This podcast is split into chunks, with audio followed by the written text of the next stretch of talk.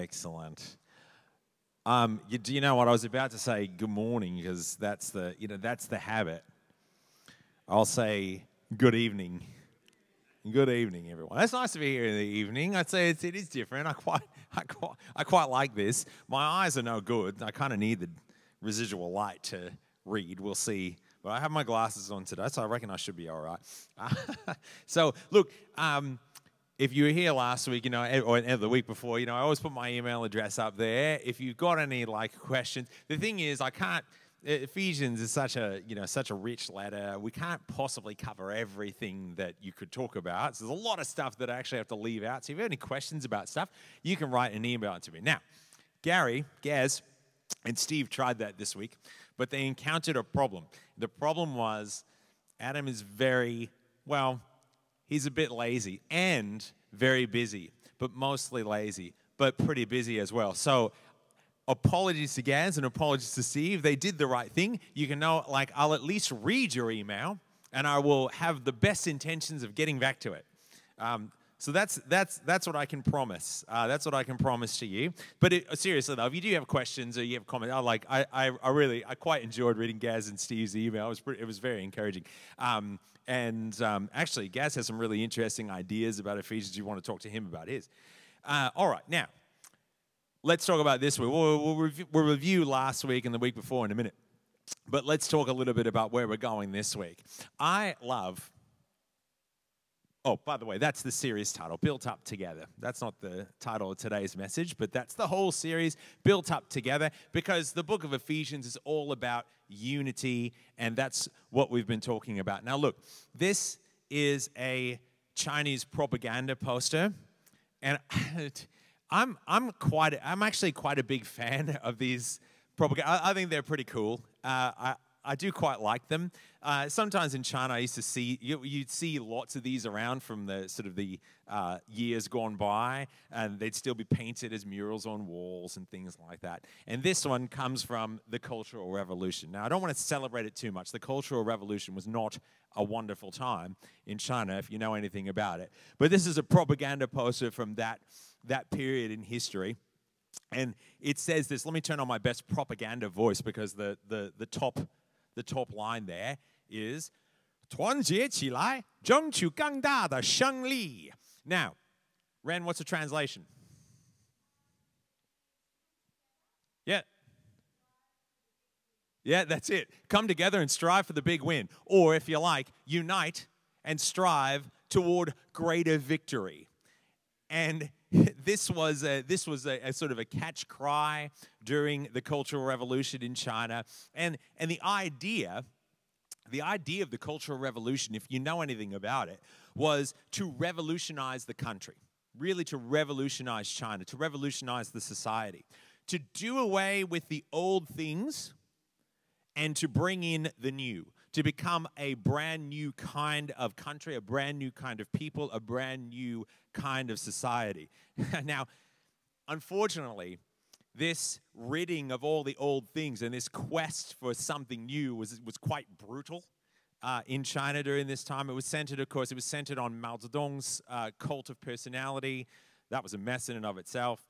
And he kind of let his wife and her group of friends, they called them the Gang of Four, they pretty much ran rampant across China, and there was coercion and there was persecution. This was the way they intended to accomplish getting rid of the old and bringing in the new through coercion and persecution and there was abuses of power and there was score settling and there was all these things that really made it an awful awful time and we used to talk to we used to talk to older chinese who had lived through that time. They had very, I mean, they didn't like talking about it. It was that was very that was very clear. But when they did talk about it, it was very clear that their memories were quite painful. Nobody has really great and good memories of the Cultural Revolution. Uh, this quest to do away with the old, to unite and strive towards something new, is quite similar to what we're actually going to be talking about uh, in Ephesians today. Something that Paul is saying to the church. Now, we've been talking about Ephesians. We already know. We'll just review. The first half of Ephesians is really about God's purposes for unity. And the idea is that what we learned is that God is bringing all things together under Christ, all things in heaven and on earth under the Messiah. And the first taste of that in, is in the church. It's the unity of Jew and Gentile together as one people in the church of Christ, in God's church. And now the second half of Ephesians is really going to be about unity in practice. And that's what we're starting today. Unity in practice. What should that united group of people, what should that united church, that united body look like? How should they work? How should they behave? And today's section is a lot like that propaganda poster that we looked like because Paul is going to once again call for the church to unite and to strive towards something new, to strive towards a new kind of life as a new kind of humanity, a new kind of society, if you like. And so the message title this morning is Unite as a new humanity, because I think that's what this section is really all about. So, goodness, my clicker isn't working very well. I'm way behind. Unite as a new humanity. And he starts, Paul starts this section, and I'm going to read in a few seconds, so I'm, I'm, I'm teeing you up. Uh, if you, you know, if you have your devices, your Bibles with you, you may want to turn to Ephesians 4 because that's where I'm going to start today in, in 4 verse 1. And Paul's going to start this section by begging the church, really, it is a beg, to, to lead a life, he's going to say, to lead a life worthy of its calling. And that's really, I think, what this pretty large section that we're going to cover today is all about. And we'll see how that develops and how Paul develops that over the course of reading. But I'm going to start in verse 1 of chapter 4. So if you're there with me, I'm going to read along. I'm going to go, I'm going to take this in big chunks today because uh, there's a lot to get through. This is what he says I, therefore, the prisoner in the Lord, beg you to lead a life worthy of the calling to which you have been called, with all humility and gentleness, with patience, bearing with one another in love, making every effort to maintain the unity of the Spirit in the bond of peace. There's the unity. There is one, and I love this. Oh boy, I love these verses right here. If you can't, if, if, this, if this doesn't make you celebrate, I don't know what will. There is one body and one spirit, just as you were called to the one hope of your calling, one Lord, one faith, one baptism, one God and Father of all, who is above all and through all and in all. Yes, thank you very much, Simon. Yes, that is an amen moment right there. And he continues, but each of us was given grace according to the measure of Christ's gift. Therefore, it is said, when he ascended on high, he made captivity itself a captive. He gave gifts to his people. When it says he ascended, what does it mean? But that he had also descended into the lower parts of the earth. He who descended is the same one who ascended far above all the heavens so that he might fill all things. The gifts he gave were that some would be apostles, some prophets, some evangelists, some pastors, and some teachers to equip the saints for the work of ministry, for building up the body of Christ until all of us come to the unity of the faith and of the knowledge of the Son of God, to maturity, to the measure of the full stature of Christ. We must no longer be children, tossed to and fro and blown about by every wind of doctrine, by people's trickery, by their craftiness and deceitful scheming. But speaking the truth in love, we must grow up in every way into Him who is the head, into Christ. For from Him, the whole body, joined and knit together by every ligament with which, is it, with which it is equipped, as each part is working properly, promotes the body's growth in building itself up in love. So, Paul here is talking about, there's a lot he's talking about there, and we're going to hone in on one thing. He's talking about the gifts. Gifts to build the church into a unified body, a unified group.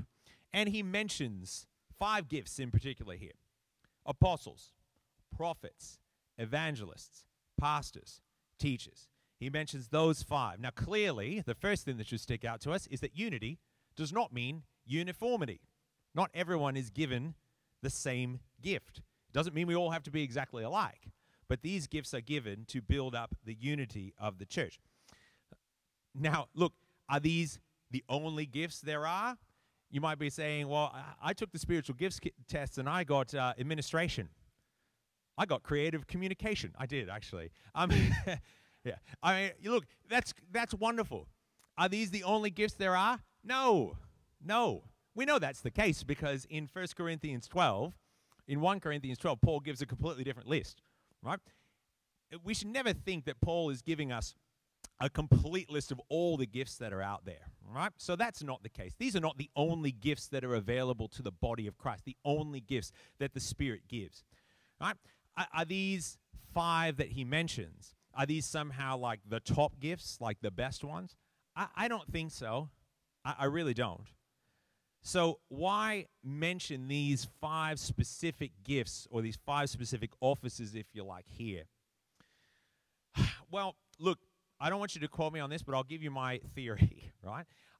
First of all, it starts by looking at the, the Greco Roman world of the time, the Greek and Roman world, especially that in Asia Minor, where Paul, where this letter is probably circulating. That's, that's uh, modern Turkey in the Greco Roman world of this time, there are all kinds, all kinds of religious ideas running around. Right? First of all, the, the most the biggest one in in Turkey at this time, or around Ephesus at least, was the Artemis cult. And you can read about the Artemis cult in the book of Acts when Paul visits uh, Ephesus. And this creates quite a stir if you know the story. The Artemis cult was huge. But it wasn't the only game in town. There were mystery religions like the Mithra cult. And these mystery religions had some really strange ideas, some really bizarre ideas. I won't go into all of them. Some strange practices. And, and not just religious ideas, but there were also sort of competing philosophies and teachings going around as well, going around the Greco Roman world of this time. And we have to remember the church is young. Paul is writing to a very young church. He is writing to probably relatively new Gentile converts who have come out of this kind of a world.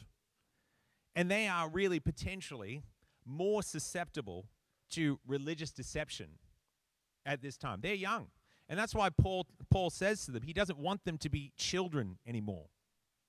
All right? No longer naive. No longer, as he says, blown about by the, yes, that is the Goonies, by the way. Um, no longer to be blown about by the winds, by crazy doctrines, by crazy teachings, by tricks, by schemes. He does not want them to live like children anymore. So, why these five gifts? Well, I think that the gifts that are listed apostles, prophets, evangelists, pastors, teachers these five are the gifts that really give, and they're not the only ones that do this, but these five give leadership and direction to the church. Right? They, if you like, they help to kind of keep it on the straight and narrow, uh, if, if you know, in, and to keep it grounded.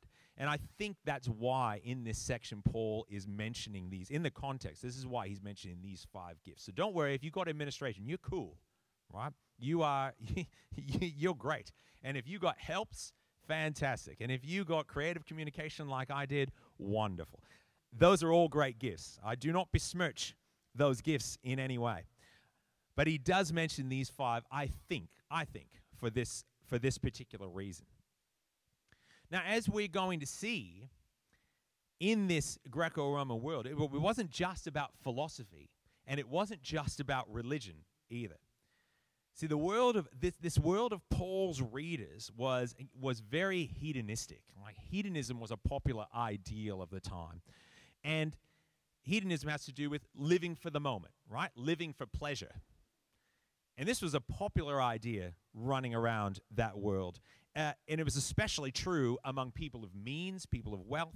But we, we have reports and we know the history of there was lavish banqueting that would take place. Uh, sometimes these, sometimes it would be private homes. Sometimes it would be in temples. And, and th- these things, these banquets could last for like hours on end. And there was, there was gluttony and there was drunkenness and there was all manner of debauchery. There was sexual promiscuity. It was rife pretty much everywhere, and it was very, very public at that time. And, and beyond that, there was also the drive to accumulate prestige and to accumulate power and to accumulate wealth and accumulate opulence and accumulate possession. And Paul is convinced, and what we have to understand, I think, about this passage, what ties it all together, is that Paul is convinced, he's even desperate, that the church should embody something new that it should distinguish itself from the world around it by the life that it leads. And so we're going to read on here. He's going to say more about this. Um, I'm going to start in verse 17. I'm going to read down to, to verse 24. So if you're with me, he's going to get into this idea. He says this Now, this I affirm and insist on in the Lord. You must no longer live as the Gentiles live in the futility of their minds. They are darkened in their understanding, alienated from the life of God because of their ignorance and their hardness of heart. They have lost all sensitivity and have abandoned themselves to licentiousness, greedy to practice every kind of impurity. That is not the way you learned Christ. For surely you have heard about him and were taught in him as truth is in Jesus. You were taught to put away your former way of life, your old person, corrupt and deluded by its lusts, and to be renewed in the spirit of your minds, and to clothe yourselves with the new person, created according to the likeness of God, in true righteousness and holiness. And I love this. I, I, really love I love Paul's analogy here, the one that he uses, because he, he he uses the analogy of like changing clothes there. You all remember My Fair Lady, right? Please tell me you've seen that. If you haven't seen that, I don't know what you're doing here. All right, um, but you need to watch it. I love it. I love how he uses that, like changing clothes, right? He says putting on the new person, and he actually uses he actually uses the words like that's the words, like changing clothes. It's, it's those words, like changing clothes is actually the words that he's using. Um, it's in the Greek anyway, and it, he's talking about. I'm sorry, I lost my place now. I was getting all excited. Talks about putting on the new person, right? And he says that this new person is created according to the likeness of God. In other words, in the image of God, right? The way that true humans were actually meant to be, the way that people were meant to live. And this means, as he says here, renewing the spirit of our minds, right? Completely altering and renewing the way that we think, which translates into the way we act. Now, what does that actually look like? Well, Paul goes on here, and I'm starting in verse 25. So then, putting away falsehood, let all of us speak the truth to our neighbors, for we are members of one another.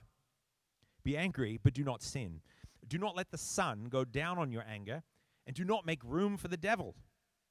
Thieves must give up stealing. Rather, let them labor and work honestly with their own hands, so as to have something to share with the needy. Let no evil talk come out of your mouths, but only what is useful for building up as there is need, so that your words may give grace to those who hear. And do not grieve the Holy Spirit of God, with which you were marked with a seal for the day of redemption. Put away from you all, all bitterness and wrath and anger and, and wrangling and slander, together with all malice. And be kind to one another tenderhearted, forgiving one another as God in Christ has forgiven you. Therefore, be imitators of God as beloved children and live in love as Christ loved us and gave himself up for us, a fragrant offering and a sacrifice to God. Well, what does it look like? He gives us this list of, of behaviors and we might just think this is just a simple list of, oh, these are the nice things to do to, to, to each other. However, when we look very, very closely, we don't have to look all that closely, truthfully. What's he talking about? Speaking the truth, dealing appropriately with our anger, because we get angry with each other sometimes, right? We're all human beings. Deal appropriately with that anger. As he says, don't make space for the devil. Right? Bitterness, I think that that is. Working to have something, working to have something to share with others.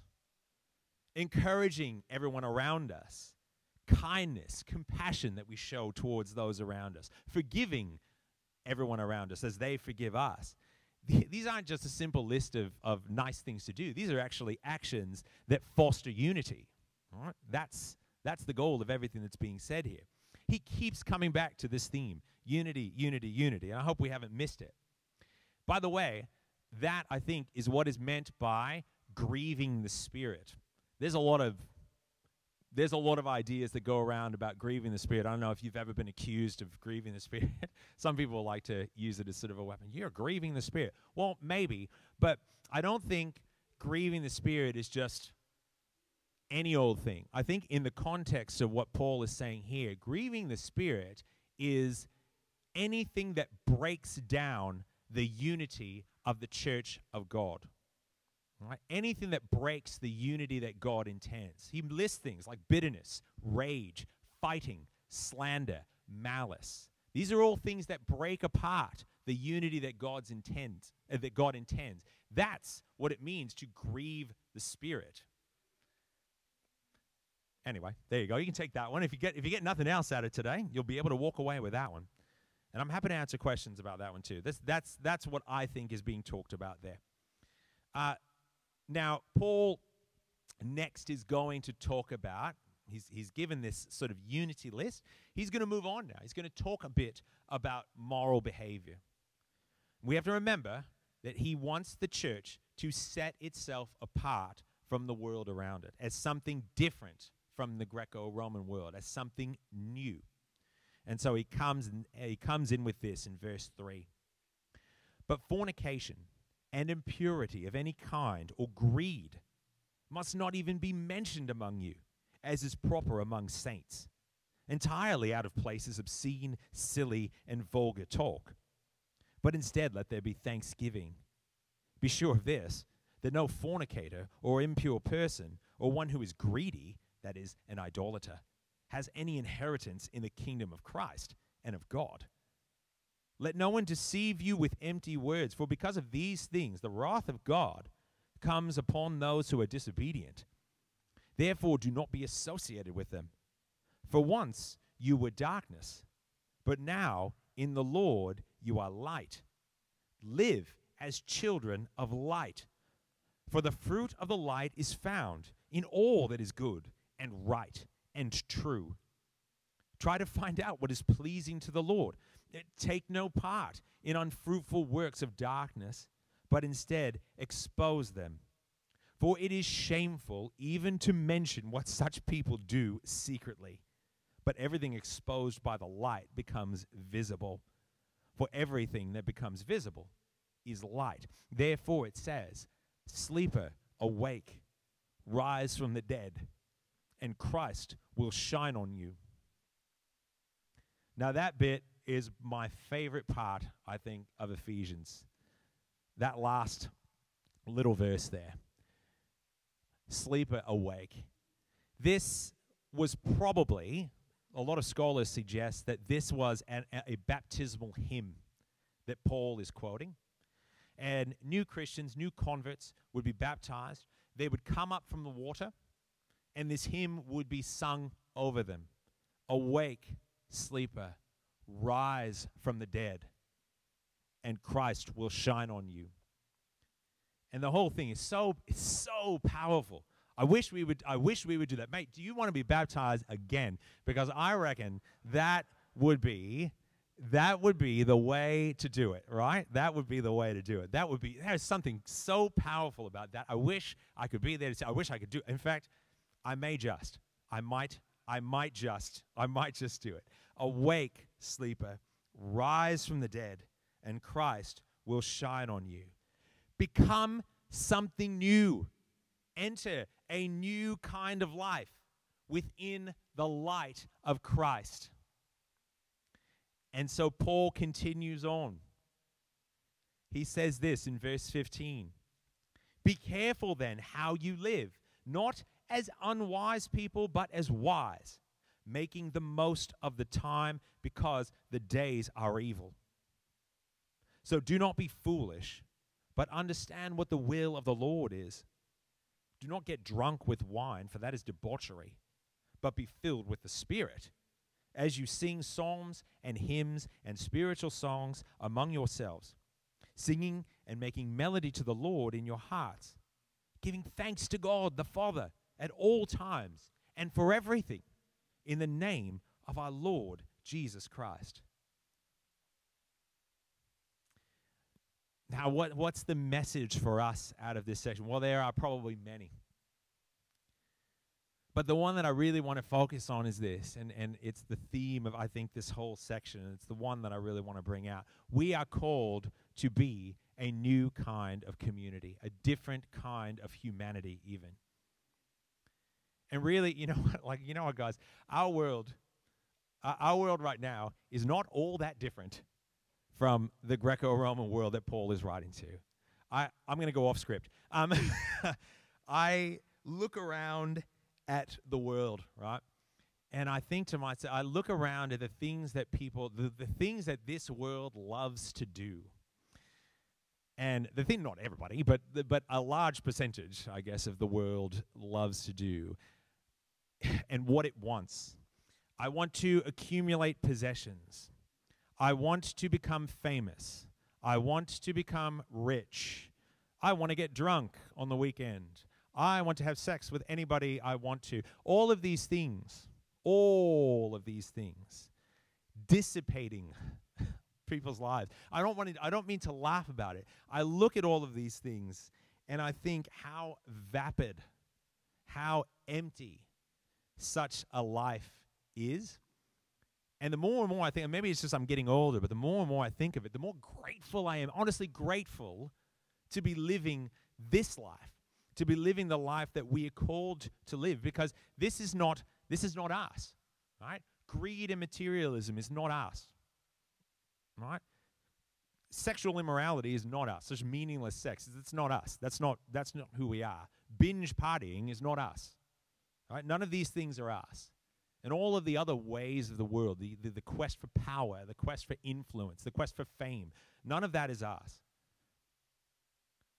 this, this is, you know, the, people sometimes criticize the life we, le- we lead, right? Because we don't get involved in all of these things. I know when I say all these things, I'm not, I'm preaching to the converted, so I, I know that I'm not telling you something you don't already know. But we should be joyful and we should feel privileged to be living the lives that we do. Because honestly, guys, when I look at the, the, the way the world lives, this life is not a chore. This life is a privilege. Like, we are blessed to live this life. This life is one of liberation. This life is one of purpose. We have purpose. And, and that is something that I don't find outside of the church very often. Right? I don't find it. And, and so I'm, I think I'm, I'm grateful every day to have the opportunity to live the life that we do, to be called into this life, this life of privilege. Now, look, it's not easy, is it? Right? No one ever said it was going to be easy. In fact, anything that's worth doing is hard. But it, it's certainly not boring. There is, there is going to be trouble, and there is going to be difficulty, and there is going to be strife. There's always going to be those things that are common to everyone in everyone's life. And we are going to, we're going to suffer like everyone in the world suffers, right? We're going to have things happen to us that we don't like. Uh, and, and so we're not promised, we're not promised a relief, we're not promised a release from suffering. In fact, a lot of times you could argue in the New Testament we're actually promised quite the opposite. Um, we have to expect that not everything that happens to us is going to be good. Not everything that happens to us is going to be wonderful and, and, and lovely. But of course, the goal of our lives, right, the purpose of our lives, is not pleasure. The purpose of our lives is not to be happy, right? That's not the goal.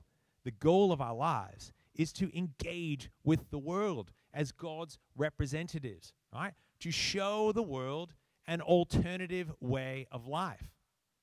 to show them a new way to be human. Now, look, this does not mean, I do not mean moralizing.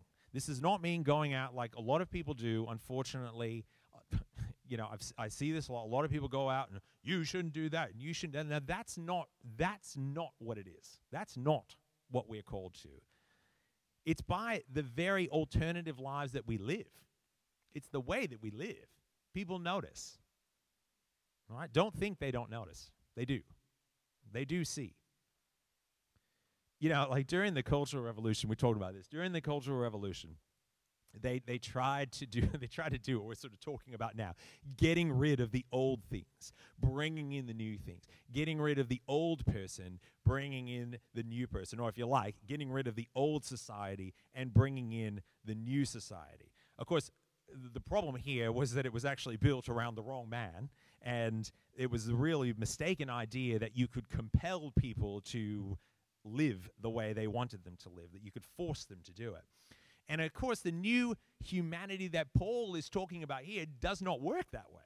Right? First of all, it's centered on the right person. Right? It's centered on Jesus. It's centered on the Messiah. He's the truly human being who we all come under. Everything is united under him. We become a new humanity under him. And then how how though do we live as this new humanity? How do we exist? What are we what are we supposed to look like? Well, look, it's a very high calling. I'm not going to I'm not going to sugarcoat it for you. As as Uncle Ben said to, said to Spider-Man, with great power comes great responsibility. And he was right. He was right. For whom much is given, to whom much is given, much will be expected. Right? It is a very high calling. And and it's not one to be taken lightly and it's a privilege that we get to live this life but it is a there, there is a high standard set in the kingdom of god and while i sort of build that up here and make you all tense let me ask this how do we do that because quite frankly look in and of ourselves we know ourselves right the standard is too high i know for myself the standard's too high and i think you'd probably agree with me we don't always feel up to this challenge but that's really what Paul is talking about in the section we just read, because, as he insists, we are meant to be filled with the Spirit. All right, filled with the Spirit. Because it's, it's the Spirit that actually guides us and empowers us to live this way, to live this new kind of life. Without the Spirit, it, would be a hopeless exercise. Right? Now, we're here this morning this, we're not here this morning. We're here this evening. Sorry, no, it's, it's dark outside. We're not here this morning. We are here this evening. See, I can't even get. I can't even pick the time of day. Right. so much for living living a, a high a high standard life. Right? We need the Spirit of God. We need to be filled with the Spirit. We might be here this evening thinking, I don't feel very full.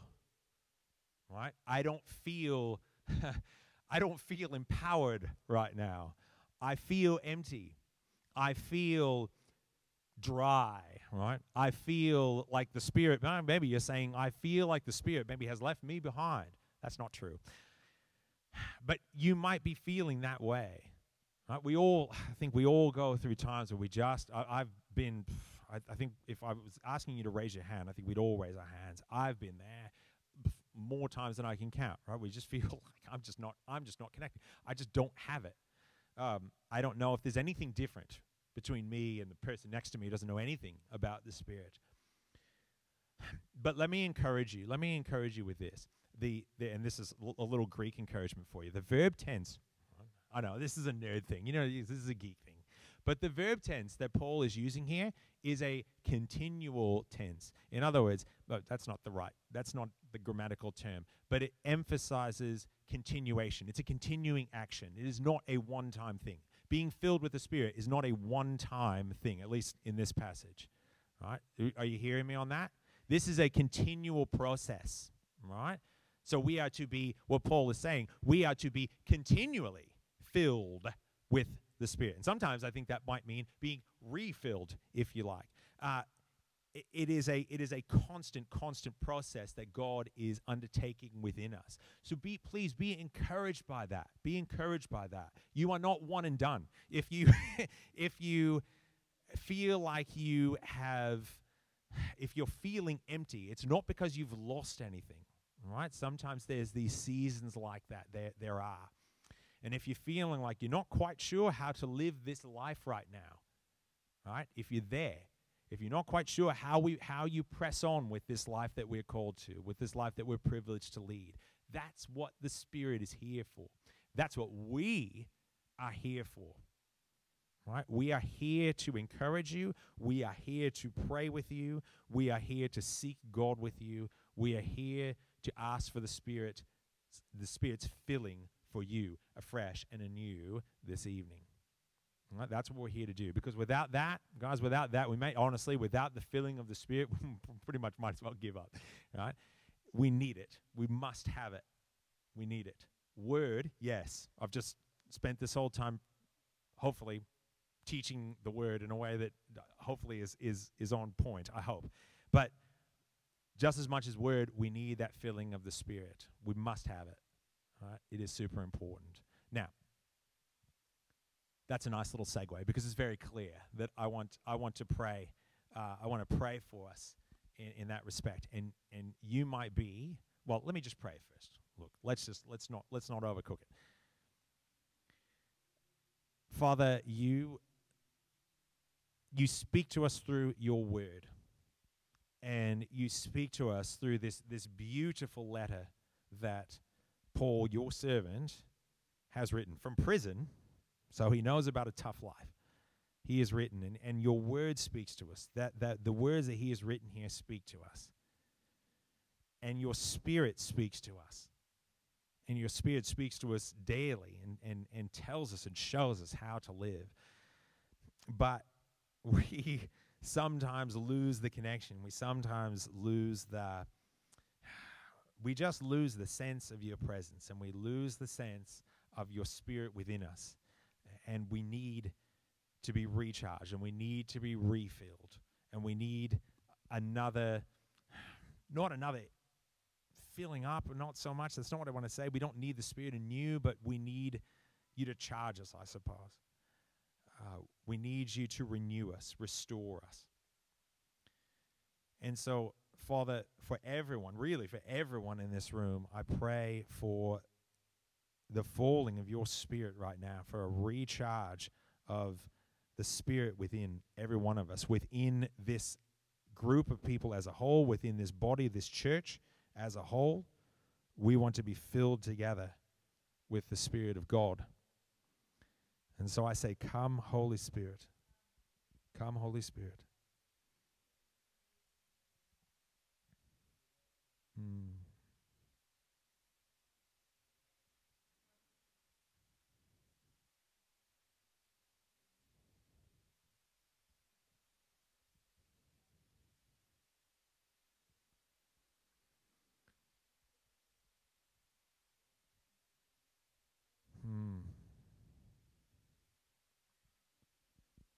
There's definitely, there's definitely, I'm, uh, yeah, I'm, I don't know, I'm feeling it. Like I'm definitely feeling the presence, the the presence of the Spirit right now. I'm definitely like, He's always here. Yeah, He's always here.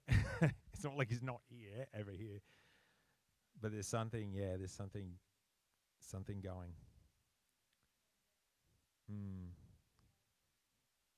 It's more Spirit, more, more. More.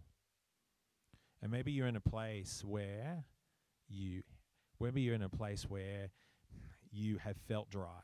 Maybe you're in a place where you have felt, um, you have felt empty. Uh, maybe you're in that place right now, and, and there's a there's a there's a there's a grief that goes with that, isn't there? There's a there's a there's a dryness. There's a um, there's a pain there's a pain that sits in you when you when you feel that and and you feel disconnected. And it, if you're in that place like we we are here for you. We are here. Like the church the body of Christ is here for you now to to pray with you. If that's you and I like I don't want to put anybody on the spot but but but, but hear me. We have all we have all been there. We have all been there. And if that's you if that if you need a touch from the Lord, if you need a touch from the Spirit today, I would ask, like, if you if you're willing to stand up, people will pray with you. People will pray with you.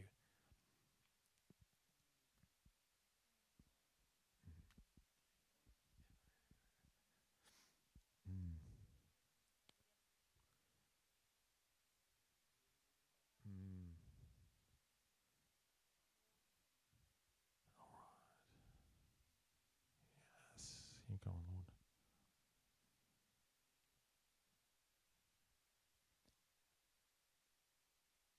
I think if we could look around, if there are people who are willing to pray, this there's a there's, I know we're all willing to pray. Could we gather around? Could we gather around people?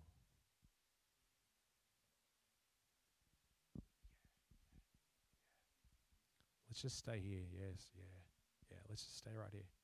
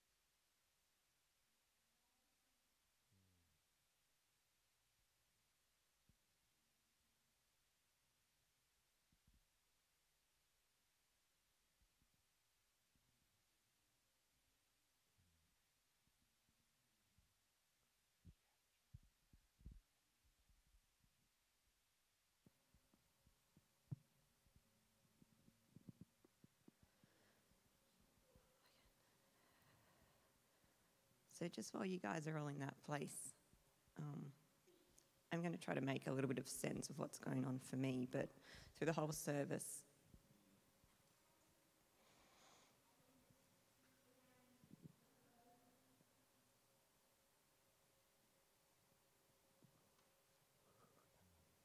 I've been feeling the grief of the Lord or the grief of the Holy Spirit. And I know it's not just mine. Um, so I loved it how Adam spoke into that and is now praying into that as well. So I also want to just corporately pray that over you guys because I believe the Lord's doing something here as a group. But even wider, it's wider for the body of Christ. And the sense I had was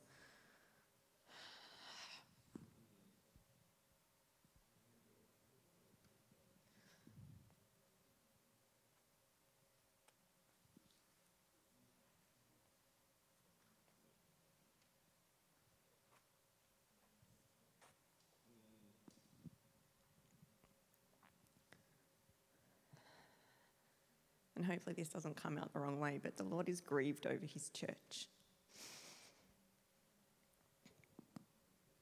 He's grieved over the fact, as Adam was saying, we look no different to the rest of the world. And it breaks his heart.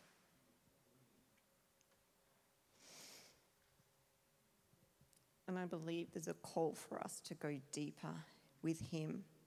And part of that is through that dryness that some people have been feeling, just to take in more of a drink of the Holy Spirit. But there's also so much more of God.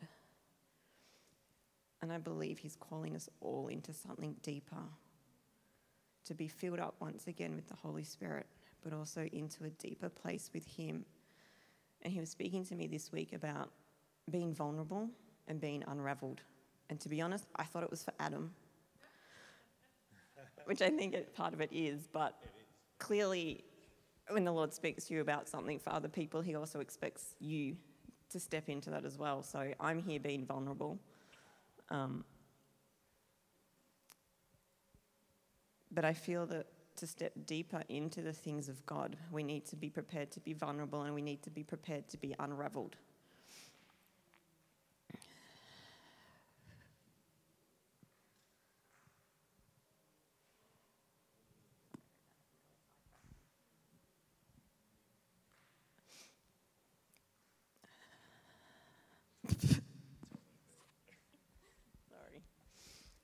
Adam's right. There's a real strong presence of the Holy Spirit here right now. So actually, I'm going to get all you guys to stand, if you can.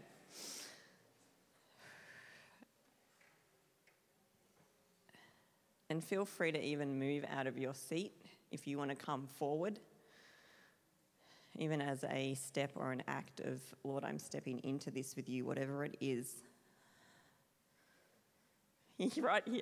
I'm happy to give it away because when I give it away, it decreases, and that's really cool for me because I'm really struggling. Um, sorry. All right, so let's just come and get into his presence. So, Holy Spirit, we thank you for your presence here once again. Thank you for the words that you've given Adam to speak and that he's spoken your truth. He's spoken what's on your heart. And Lord, right now, I just break off any grief over anyone in this place and even over the body and the global body. I just speak off over the grief right now, whatever that is, Lord, whatever it's our relationship with you, our journey with you.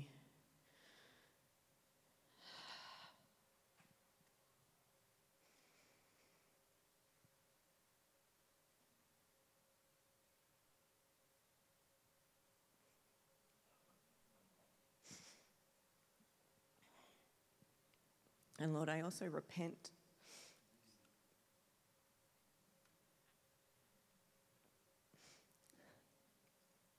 For myself, but also as on behalf of the body, for when we have acted in ways that have not reflected your glory, for when we have looked just like the nations around us. Father, forgive us for those things and the times when we've broken your heart and haven't acted as the church is called to act. So, Father, forgive us now and release us. Release us from anything that's been held back. And again, I just command all that grief just to go right now in the name of Jesus.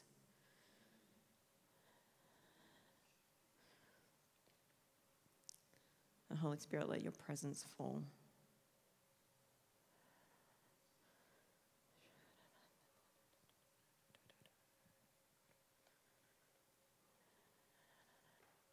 Father, awaken hearts to you.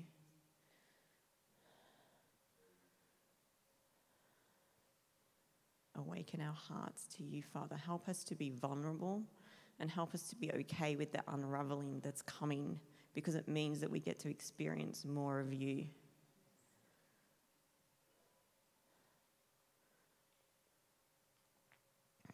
Show us your ways, Lord. Show us how to live as your body is called to live.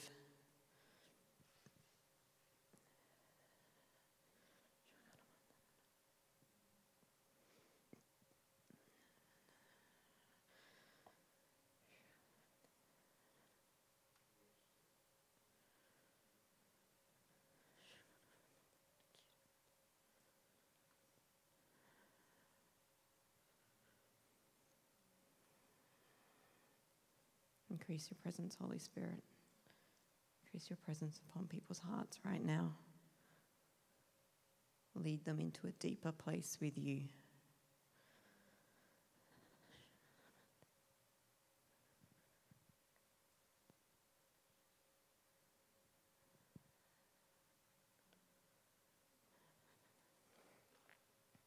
And Father, I just release a hope in this place as well the hope that we have in you, the hope that we have knowing that you have the ultimate victory. Even in the times that we don't see that right now. But Father, I just pray for a release of hope and a fresh infilling of your love into people's hearts, that we may go out and display that love to other people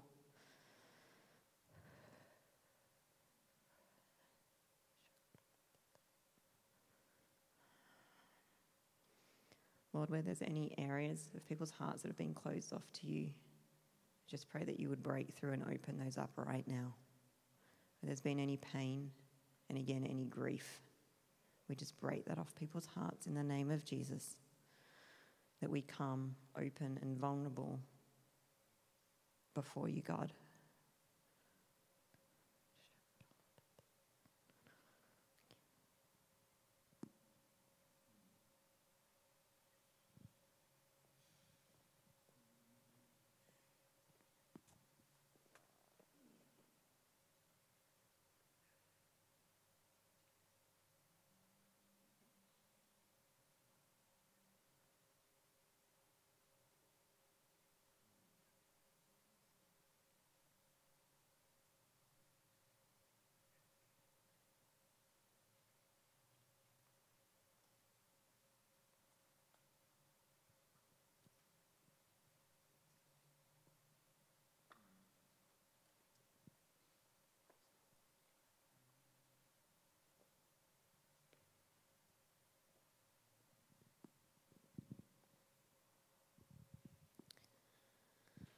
So, Father, again, we choose you as number one.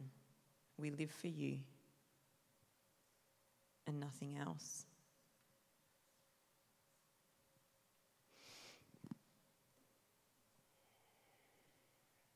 I don't know how this sits with you guys. Feel free to join in, feel free not to, but you may just want to agree in your hearts that once again you are choosing Jesus as the Lord of your life and as your number one. And you are living only for Him.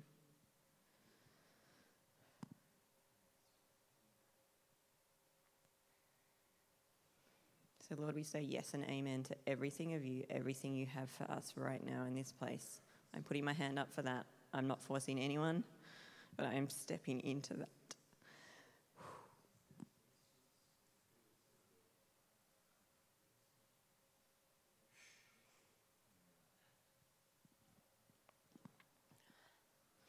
I also feel right now, guys, he's asking us to commit our whole self back to him.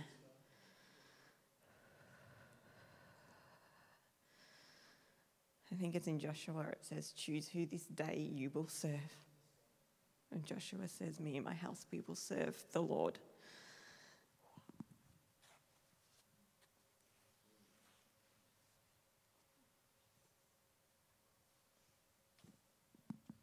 That's what's been asked of us today.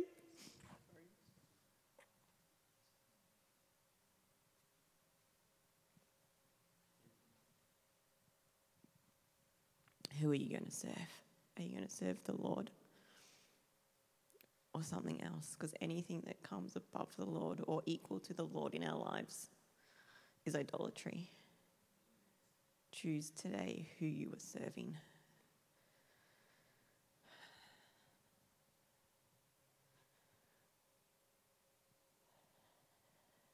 God, give us the grace and the courage to choose you and to step into everything that you have for us. He will never leave us and never forsake us. He will be there right beside us, walking step in step as we step with Him and choose Him.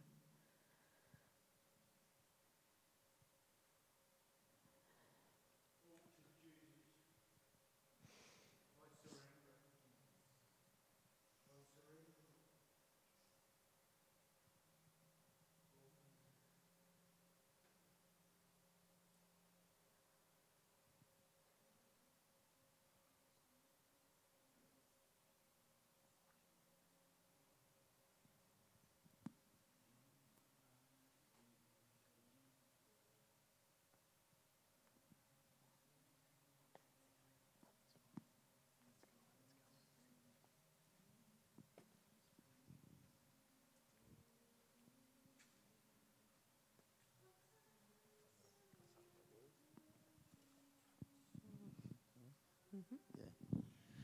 I just have one words on my mind is intima- intimacy and the desire of the Lord to just draw us into closer and closer intimacy with Him, and that the body of Christ here tonight, us in this state that we are now, have a greater opportunity for intimacy with one another. You don't get intimacy in a crowd. You get it over a meal together. You get it over sharing together. You get out of, out of opening up to one another. and He wants to draw us into a deeper intimacy with Him and a deeper intimacy with each other. And He's giving us like a golden opportunity to walk uh, maybe in a place we've not walked even before in our Christian life by a level of intimacy towards each other. And I think it's in line with what you're praying about vulnerability and deepness. It's about intimacy, which is really strange coming from me, those who know me.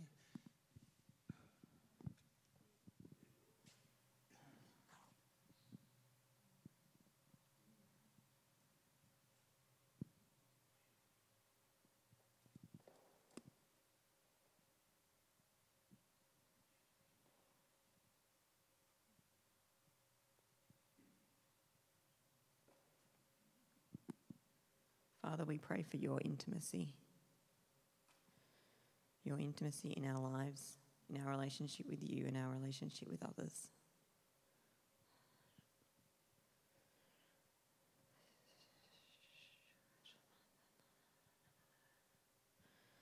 Again, Lord, you are all that we want. Draw us into that place.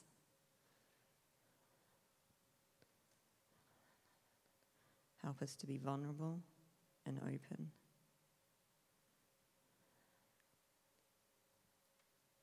And help us to arise as the church you've called us to be, as the body you've called us to be.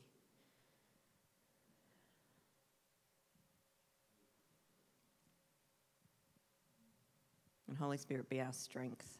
We ask for more of you in our daily lives.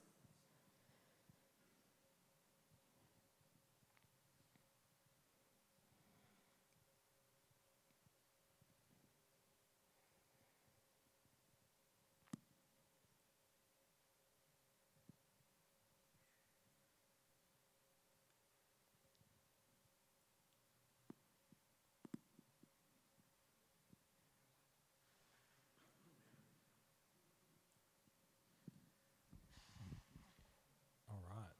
We'll probably, I think, wrap up there. Um,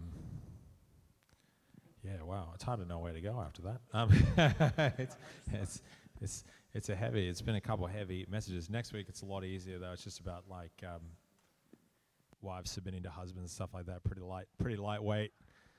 Slavery, pretty lightweight stuff, really, when it comes right down to it. Um,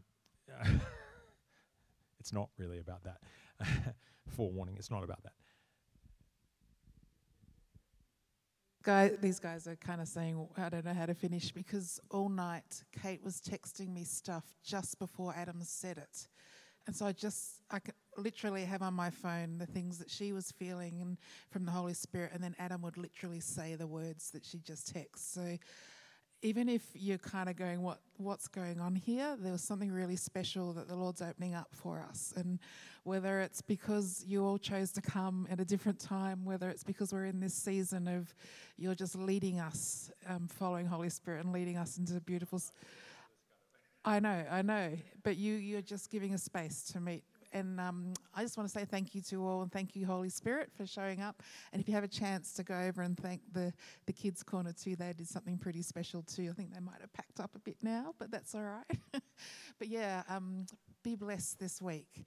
And may what's been unraveling here today just continue to unravel with intimacy with God as you follow Him into your day and your weeks.